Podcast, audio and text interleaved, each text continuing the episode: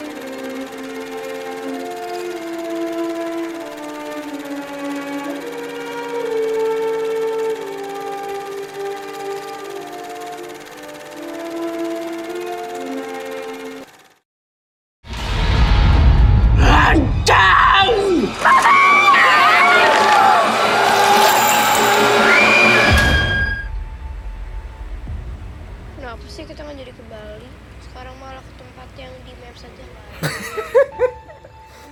Hai Fit Lovers. Hai, Lovers. Selamat datang kembali Ya. di Bitalk. So, kembali lagi bersama kita, gua Agri Nugraha. Dan gue Rizka Yulianti. Hari ini kita membahas salah satu film yang udah tayang di bioskop, Wow. Yaitu Ratu, Ilmu Hitam.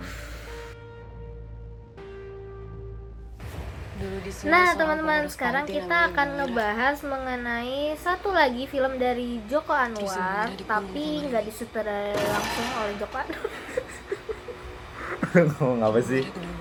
Nah jadi film ini disutradarai langsung bukan oleh Joko Anwar Tapi oleh Kimo Stambul di mana penulisnya adalah Joko, Anwar. gitu Nah, jadi buat yang belum tahu sebenarnya kami juga awalnya waktu nonton film Ratu Ilmu Hitam ini juga nggak tahu kalau ini adalah salah satu film yang di reboot pada dari tahun awalnya itu 1980 ya. Dan itu, itu filmnya udah ada lagi kan? Iya, Ratu Ilmu Hitam dulu.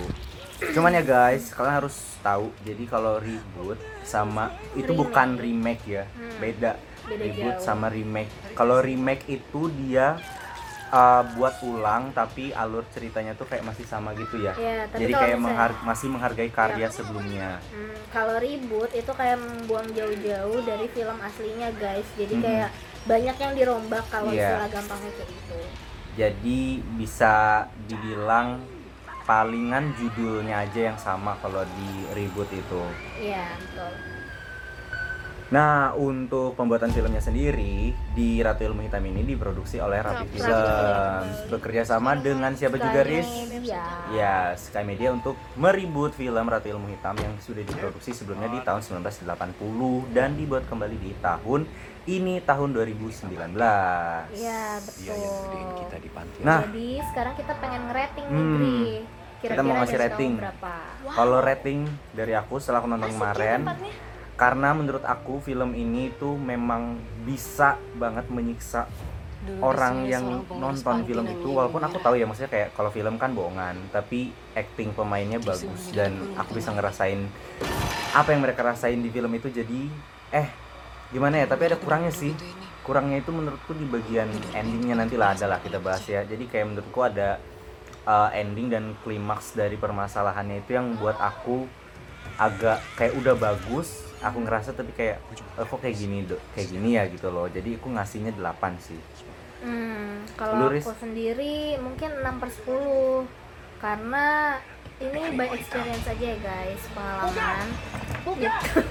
Lu kenapa ketawa ya enggak kayak Tuh kan Agri udah mau ketawa kan ngeledekin gue Karena eh, jujur aja waktu aku nonton film itu ya begini ya guys menutup kuping gitu tapi Nggak aku tahu ya, guys. ngeliat, aku tetap ngeliat eh, kita kan mau layarnya. review film tapi ada orang mau review film tapi tutup mata dan aku juga kayak aku harus maksain buka mata gitu Iya, jadi Aku Agri yang capek. mengalah, Agri yang mengalah jadi dia sambil capek aku juga Gitu nggak bisa kan. nonton horor lagi Ya oke, Da- jadi dari experienceku nonton itu bukan dari di luar dari gen aku suka genrenya atau gimana itu 6 per 10 karena karena karena karena itu ada bagian-bagian eh, scene-scene tertentu yang bikin aku mau muntah kita dan sebenarnya di ya nanti kita bahas di sana aja ya guys ya.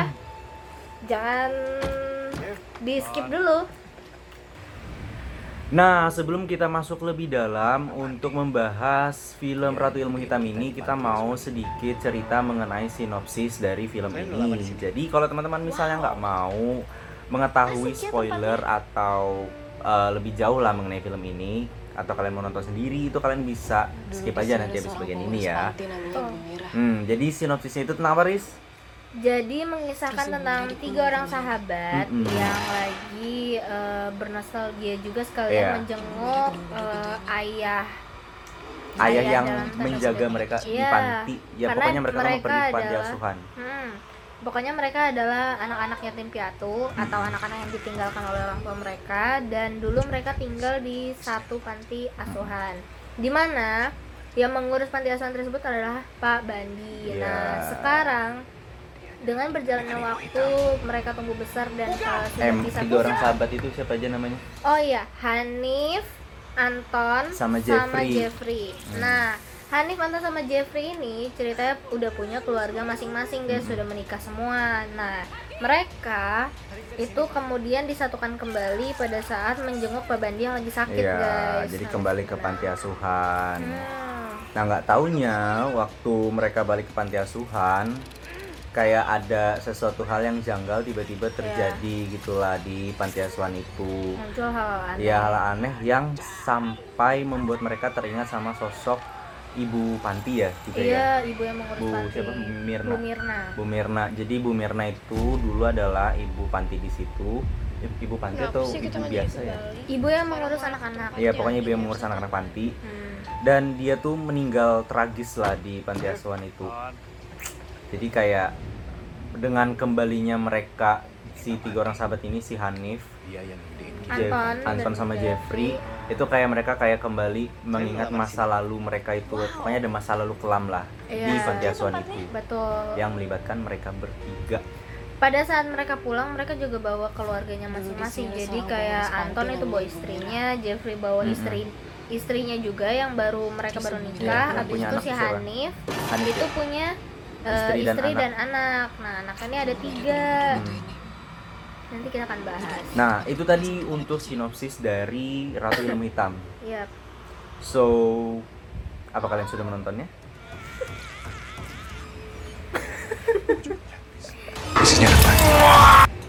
Oke Nah, guys, guys. kita lanjut ke pembahasan dari film Ratu Ilmu Hitam. Ya. Nah, jadi kalau kita membahas Ratu Ilmu Hitam ini, kita bahas terlebih dahulu openingnya ya guys. Jadi kalau dari openingnya, jadi ceritanya langsung menuju kepada proses ketika mereka lagi pergi ke panti asuhan. Jadi keluarganya Hanif yang memang jadi sorotan utama di sini. Mereka pergi ke panti asuhan, tapi di perjalanan mereka itu kayak nabrak sesuatu yang mereka kira mereka adalah nabrak rusa, tapi sebenarnya itu bukan itu rusa. anak kecil Ya, itu adalah anak kecil yang ditabrak, tapi mereka mengiranya rusa. Sebenarnya kalau aku tidak tertipu ya guys, karena aku udah mikir kayak itu pasti bukan rusa yang ditabrak. Mana ada sesuatu hal yang udah ditabrak langsung dilalatin. Kayak sudah ditabrak, seperti bangkai jatuh gitu ya terus kayak langsung lalat datang. No, men kalau itu kayak lalatnya ganas banget ya. Jadi kayak aku udah mikir kayak sih kita no, that's Bali? itu bukan lalat gitulah. mungkin karena kamu sering nonton horor sih Gri Iya. kalau misalnya aku sendiri sih enggak jadi aku Ada kayak beberapa mikir film ini gak sih? Ada beberapa film horor yang openingnya nabrak rusa. Gue lupa apa ya. Gitu. Iya, ada beberapa opening film yang Nabrak nabrak rusa. rusa atau hewan-hewan Iya. gitu nggak sih? Nah, aku mikir juga kayak gitu. Jadi kayak mungkin jump scare di Hmm. awal gitu tadinya kan. Nggak taunya itu tuh udah masuk ke bagian Iya. Tempatnya. eh, permasalahan Iya, sebenarnya, benar. tapi nggak kelihatan aja gitu di awal gitu. Nah, itu openingnya. Pokoknya mereka menuju ke sana tapi seorang pengurus panti Iya. mereka mengira nabrak rusa tapi nanti mereka mengetahui sendiri kalau mereka tuh nggak nabrak rusa. Iya. Nah, masuk ke permasalahan. Jadi permasalahan di film ini itu titiknya ada di Pak Bandi sebenarnya titik Pak permasalahannya. Bandi dan Murni sebenarnya kan. Pak Bandi dulu baru Murni. Iya. Jadi Pak Bandi ini ternyata adalah seseorang yang suka ngapa-ngapain anak-anak kecil yang Aku bingung nyebutnya pedofil tapi kayak aneh gitu.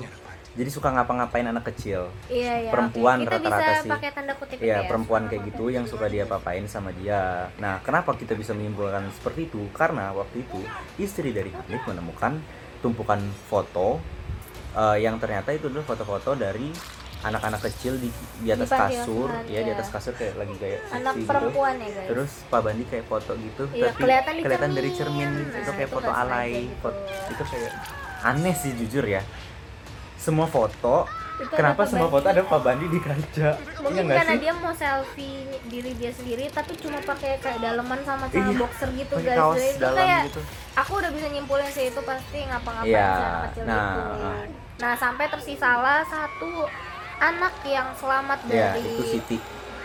Iya, dari apa-apanya Pak Iya, Bandi survive. yaitu Siti. Nah, Iya. tapi karena Siti nggak mau, jadi kenapa dia kenapa uh, lagi jadi korban lagi jadi dia menyiram ya, mukanya dengan air panas supaya Pak Bandi nggak gangguin dia ya Mungkin biar nggak mention- selera ya, gitu biar lah. nggak selera lagi gitu ya kayak gitulah nah bu kenapa di sini eh, jadi awalnya itu memang kita dibuat oleh si pembuat film ini berpikir bahwa Mirna adalah sosok yang jahat. Bu Mirna ini padahal nggak karena Bu Mirna ini ternyata orang yang berusaha untuk melindungi anak-anak panti yang perempuan-perempuan ini yang Iya, betul. dia yang mau digangguin sama Pak Bandi inilah. Iya. tapi Pak Bandi ya memfitnah lah bisa dibilang ya memfitnah, Bu Mirna. akarnya Iya. yang melindungi anak-anak perempuan memfitnah tadi. Bu Mirna. Ya, jadi Bu Mirna yang dikira jahat di sini jadi anak-anak panti mengira khususnya si Jeffrey Anton sama Hanif itu udah kayak membantu Pak Bandi untuk menangkap Bu Mirna dan mengurung Bu Mirna di Iya. sebuah ruangan secara nggak langsung Iya. jadi Bu Mirna difitnah menggunakan ilmu hitam Iya. dan membakar tiga, Tiga orang anak perempuan. Tiga orang anak perempuan di mana tiga orang anak perempuan itu kayak buka mulut waktu itu ke Bu Mirna mungkin yang aku tangkep gitu sih oh jadi mereka eh, eh, ditaruh di suatu Oh, ruangan iya. habis itu dibakar Iya, iya, dan iya, Bu iya. Mirna tuh nggak terima gitu loh Hmm. nah jadi tuh dia kayak nangis nangis habis itu kayak pengen Iya. bunuh Pak Bandinya nah habis itu karena dianya menjadi gila gitu Iya, habis mati. kejadian kebakaran itu dia dikurung oleh tiga Iya. orang sahabat ini guys dan Pak Bandi sehingga Bu Mirnanya tuh kayak kesel gitu Iya. dan dia kayak mau keluar dari ruangan Nah, itu terus tapi dia kayak dia di jedor-jedor bawah sampai pintunya berdarah sampai dan meninggal. meninggal lah pokoknya dia dikubur di ruangan itu makanya ruangan itu disegel dikunci dan nggak dibuka beberapa tahun dan itulah alasan mengapa mereka nggak mau jual tempat itu ya Iya betul. karena ya takutnya orang-orang menemukan hal itulah di situ. Kenapa sih kita nggak jadi Nah terus ternyata Bu Mirna ini kan punya anak. Nah anaknya ini tuh ngelihat kejadian si ibunya dikubur karena nggak terima. Pokoknya kayaknya anaknya ini lari lah dari rumah itu dan kayaknya dia mempelajari ilmu hitam untuk revenge atau balas dendam sama mereka. Nah makanya waktu mereka datang ke Wow. panti asuhan itu terjadi hal-hal aneh itu semua perbuatan dari anaknya Bu Mirna yaitu Murni Iya. Mirna dan dulu Murni di sini Related Tapi- gitu ya. ah relate Mira. relate banget related banget iso bahasa Inggris gue ngerti Ta- jadi sebenarnya jadi sebenarnya yang gue suka adalah uh, Bu Mirna ini memang cocok untuk menjadi sosok yang kamu pikir untuk. Dialah ditakuti gitu loh. Iya, gitu karena ya. kakinya tuh kayak dia agak cacat dulu gitu lah dia agak pokoknya. cacat karena mungkin masa lalunya Bu Mirna itu dulu pernah katanya sih dipukul oleh ala- Iya. ayahnya hingga patah kayak Hmm, gitulah. pemarah juga kan kulihat dari Iya. video-video masa lalu mereka nah terus kita masuk ke ending nah endingnya itu jujur menurut aku aneh banget Padahal Agak di- gantung sih. agak gantung soalnya gimana Eh, pertama kita nggak dikasih Iya. lihat itu eh, keadaan yang istrinya Anton, Mhm. istrinya Jeffrey itu kayak gimana. Iya. Oh iya, Jeffrey-nya eh sorry, Antonnya itu udah meninggal ya guys. Jadi nggak bisa Anton yang meninggal. lagi. Nah, jadi yang lainnya tuh selamat Jeffrey sama kayaknya yang lain selamat sih? Hanif ya. Yang cuman nggak dikasih lihat kayak nggak dikasih lihat semua keadaan mereka setelah selamat dari Kejadian, tempat itu ah, betul. terus tau nggak guys yang aku bingung apa kematian dari anaknya Bu Mirna yaitu Murni. Dia mati karena dibakar. Dibakar pakai lilin yang ada di tempat itu itu aku kayak mikir kan itu pasti disiap lilinnya kan disiapin sama Murni kan atau Hmm, sama si satu anak ada satu anak Kenapa yang ngebantuin si Murni. kembali? itu kan pasti kayak disiapin sama mereka tuh lilinnya. ya kali mereka menyiapkan sesuatu yang merupakan kelemahan mereka. Kalau memang dia ini lemahnya sama api ya ngapain dia taruh api di situ loh? Jadi Iya, aku benar. kayak aneh sih ya nggak sih? Soalnya kan waktu dipenggal sebenarnya udah dicoba untuk dibunuh dipenggal sama istrinya Hanif tapi kayak gagal bisa nyambung lagi. Terus ada lilin banyak banget. Terus si cewek si istrinya Ha- Hanif tinggal ambil lilin terus lempar terus kebakar terus mati. Dulu di sini. Dan yang namanya satu Bu lagi aku uh, bukan bukan bukan aneh sih guys, tapi kayak um, apa ya bisa dibilang nggak make sense nggak masuk akal gitu loh pada saat uh, jadi si Murni in eh ya Murni ini udah menancapkan uh, apa sabit di uh, dadanya Pak Bandi. Pak Bandi. Kan Nah, masih hidup Pak Bandinya. Eh, untuk masih hidupnya nggak masalah tapi dia tuh masih kayak bisa ha ha ha masih bisa ingin keluar gitu loh dan Hmm. masih geraknya tuh masih ini banget makanya dari segi acting ya guys aku Hmm. nggak tahu gimana tapi kurang make sense aja dia udah ketancep dan udah diambil kayak gitu tapi tuh kayak geraknya tuh masih kayak masih aktif Iya. gitu mungkin itu actingnya dia Itu actingnya dia mungkin. kurang mendalami Ah. gitu pokoknya endingnya sebenarnya good ending cuman kalau aku sendiri kayak kurang sih Masih kurang ngena sih aku juga. kurang ngena kayak aku nggak tahu kondisi keluarga Hanif, Hanif terus Anton Nah, sama terus Jeffrey istrinya Anton juga nggak tahu itu kayak gimana Itu kan kayak gimana kan? Mhm. atau itu kan ih pokoknya gitulah kayak agak kurang padahal udah bagus jujur ya udah bagus cuman kayak di awal kurang. di awal sampai pertengahan itu udah, Udah bagus. bagus. ya tapi pas di ending akhirnya- waktu kayak ngebakar murni pakai lilin tuh udah kayak matinya karena lilin. Kenapa sih kita nggak jadi diangkat abis itu dijatuhin gitu guys rasanya. Dan kami kan nunggu apa namanya nunggu Nah, nunggu. kreditnya Iya. kan. Nggak ada ternyata. Nggak ada sampai ternyata. di bioskop sisa kami berdua kami pikir ya ada. betul. Kami pikir ada dan ya ya Itulah. itu adalah pembahasan dari filmnya ya guys. Nah sekarang kita akan masuk ke bagian eh, pembahasan favorit. dari scene scene favorit masing-masing ya. Iya betul. Dari siapa dulu nih dari kamu dulu deh Gili. Oke dari aku Dulu untuk scene favorit aku yang pertama aku ada dua. Yang pertama itu adalah waktu eh, si Bu Murni eh ya Bu. Murni ya. Si Ratu Ilmu Hitam.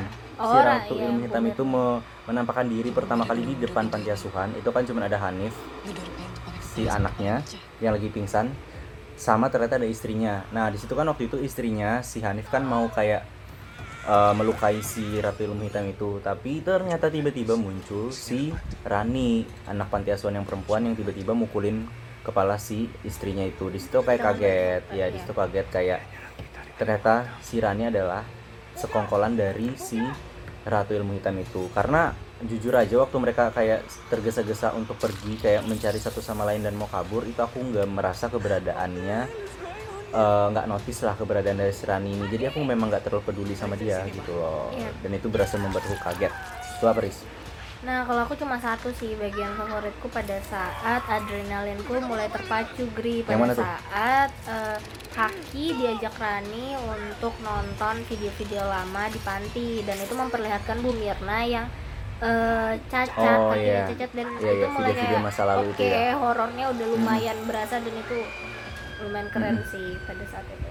Gitu. udah itu loh Udah itu aja. Nah, scene kedua gua yang udah pasti adalah uh, sih scene di mana waktu mereka kembali? disiksa Sekarang sama si Ratu Ilmu Hitamnya itu kayak di ruangan-ruangan gitu. Hmm. Mereka kayak masing-masing disiksa dengan siksaan yang beda-beda. Ada yang di air panas, hujan air panas, ada yang dari tubuhnya keluar serangga ya. Iya, kaki sering. Iya, ada yang belakangnya bolong terus keluar serangga, ada yang tangannya patah, terus ada yang dari mulutnya dari mulutnya keluar kelabang ya. Iya, kayak berdarah Terus ada yang dicampuk-campuk pokoknya semua siksaan lah itu. Dulu Itu salah satu adegan kayak favorit neraka sih. Iya.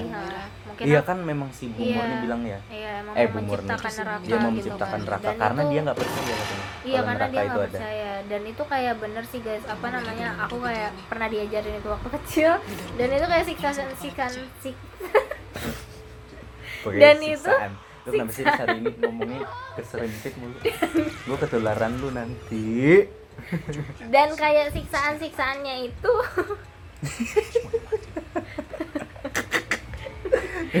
dan kayak siksaan-siksaannya itu tuh eh, kayak mencerminkan apa yang aku pelajarin waktu masih kecil gitu loh Oh, Gri. kayak cambukan dan lain-lain gitu ya. Hmm, betul Jadi Rizka ini buat yang belum tahu dia sekolah keagamaan jurusan siksaan. Siksaan alam bawah sadar. Ya makanya dia tahu banyak lah. Kalau kalian mau ya tanya-tanya dia aja ya tentang siksaan kubur nanti. dokter Iya. kesiksaan dokter siksaan. Nah itu salah satu atau beberapa scene yang menurut kita kita sukai gitu ya. Kalau teman-teman suka yang seperti apa, mungkin kalian bisa komen di kolom eh komentar. kamu tapi ada nggak sih scene yang gak kamu sukain Oh scene yang aku nggak suka. Oh iya boleh juga tuh. Kalau scene yang aku nggak suka itu waktu yang mana ya aku nggak suka. Bentar. Mungkin Oh, ending Ending sih kalau aku jujur ya guys. Aku tuh nggak suka endingnya kayak aneh. Kayak-. Oke lah si Murni itu mati karena api. Tapi kayak aku tuh masih penasaran sama kondisi dari yang lainnya Iya, setelah siksaan itu gimana. istrinya Hanif tahu Iya, sih bayangin si. Siti aja kan waktu itu dikasih lihat waktu itu di sekolah kan mukanya udah kena Wow. air apa hujan air Iya. panas itu kan itu kayak udah melepuh melepuh nah gimana dengan yang lainnya gitu loh cuman ya itu sih menurutku kayak Dulu kurang ya.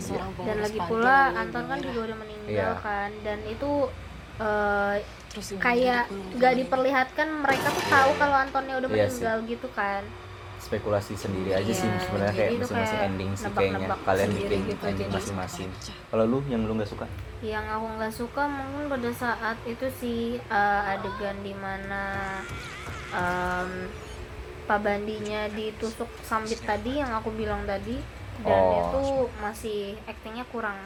Iya. Kembali aku no. Oh no. Jadi aku yes. Oke lanjut. Oke.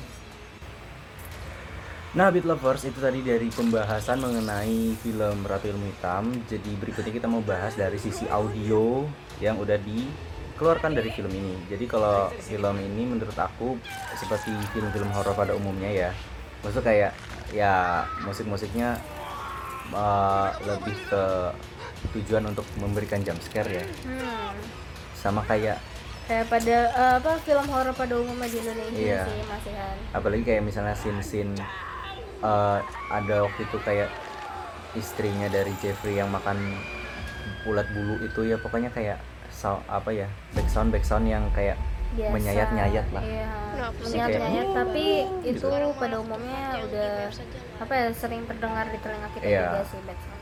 Jadi menurutku biasa iya aku juga biasa aja sih mengerti kayak nggak ada yang Hmm, wow Oke, juga Gri, kita langsung aja bahas castnya siapa aja nih yang mainin. Nah untuk cast yang bermain di film ini tuh sebenarnya banyak banget pemainnya. Nah salah satunya atau pemeran utamanya itu ada Hanif. Hanif ini diperankan oleh Aryo Bayu. Jadi Aryo Bayu ini sebenarnya juga sebelumnya bermain di Perempuan Tanah Jahanam juga ya Oh guys. gitu. Iya, Yap. Dia jadi Pak Kisah di tadi kalau nggak salah. Oh dia- iya, iya. benar benar benar. Dan dia main lagi di sini. Kayaknya dia juga terlahir untuk Joko Anwar sama Iya, sama seperti seperti Tara Basro. Basro, Tara Basro benar. Iya siapa lagi? Jadi ada Hana Al Rashid yang berperan sebagai Nadia. Tahu nggak Nadia siapa? Nah dia ini istrinya dari Hanif. Betul. Berikutnya ada Adisti mantan aku. Zara. Mantan aku. Itu udah pasti Ada sih. Zara JKT48 sebagai Adisti Zara. Iya. Dia mantan aku waktu SD. Nggak ada yang Tapi kayaknya peduli. dia nggak ingat. Itu langsung aja ada Muzaki Ramdan sebagai Haki atau adiknya dari Dina yang Hmm. adik Kakinya kecil ya? Iya, Adis Zara dan adiknya Ari Irham yaitu Iya. Sandi. Terus ada Ade Firman Hakim sebagai Maman. Mm-mm. Terus ada Sheila Dara Aisyah sebagai Siki. Terus ada Tata Ginting sebagai Anton. Ada Miller Khan sebagai Jeffrey. Terus ada Imelda Terine sebagai Eva, ada Salvita De Corte sebagai Lina. Ya, dan Ruth Marini sebagai Ibu Miras. Oh iya nih ya guys, ini kan Ruth Marini nih kayak Kenapa kami baca tuh Ibu Mirah.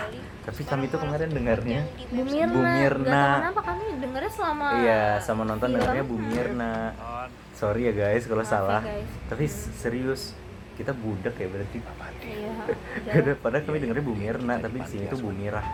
Ya tau lah. Nah kalau Pak Bandi itu diperankan oleh Yayu Awe Ungu. Hmm, Banyak lah. Murni diperankan oleh Putri Ayudia. Murni ini Miss Indonesia ya tadi lu bilang. Iya, eh, dia Dulu pernah ikut. Oh, no, dia pernah Mira. jadi finalis. Oh finalis Miss Putri Indo- Putri Indonesia. Oke. Di Nah guys, itu dia tadi pemain atau cast dari film Ratu Ilmu Hitam. Dan itu juga bahasan-bahasan kami tentang Ratu Ilmu Hitam. So, So, sekian untuk hari ini. jangan lupa subscribe, like, komen, dan juga kasih thumbs up. Hmm? Kan udah tadi. Pokoknya guys, itu sekian dari kami pembahasan tentang Ratu Ilmu Hitam. Kami mohon maaf kalau misalnya kami ada kesalahan karena kami juga adalah manusia yang mudah bersalah. Bukakanlah pintu maaf karena Tuhan selalu ada bersama kita. Saya Kristen, Rizka, Muslim. kita Cinta Tunggal Indonesia. Ika. Oh iya, terima kasih juga atas dukungan-dukungan teman-teman sampai sekarang dan eh, apa ya memotivasi kita sampai sekarang Ya, juga. jangan benci kami ya. nyalain lonceng di bawah ini kalau misalnya kalian eh, suka dengan video kita dan juga untuk eh, memberikan notifikasi ya kepada kalian kepada para beat lovers eh, khususnya mengenai video-video yang baru kami upload Ya, udah selesai pidatonya. Sih kita nggak jadi kembali? Oke, itu tadi pidato dari Ustazah. Nah, kita dokter kesiksaan So guys, sampai bertemu minggu depan bersama saya Agri Nugraha dan Rizka Yulianti Dia yang Di kita di panti malam minggu berikutnya.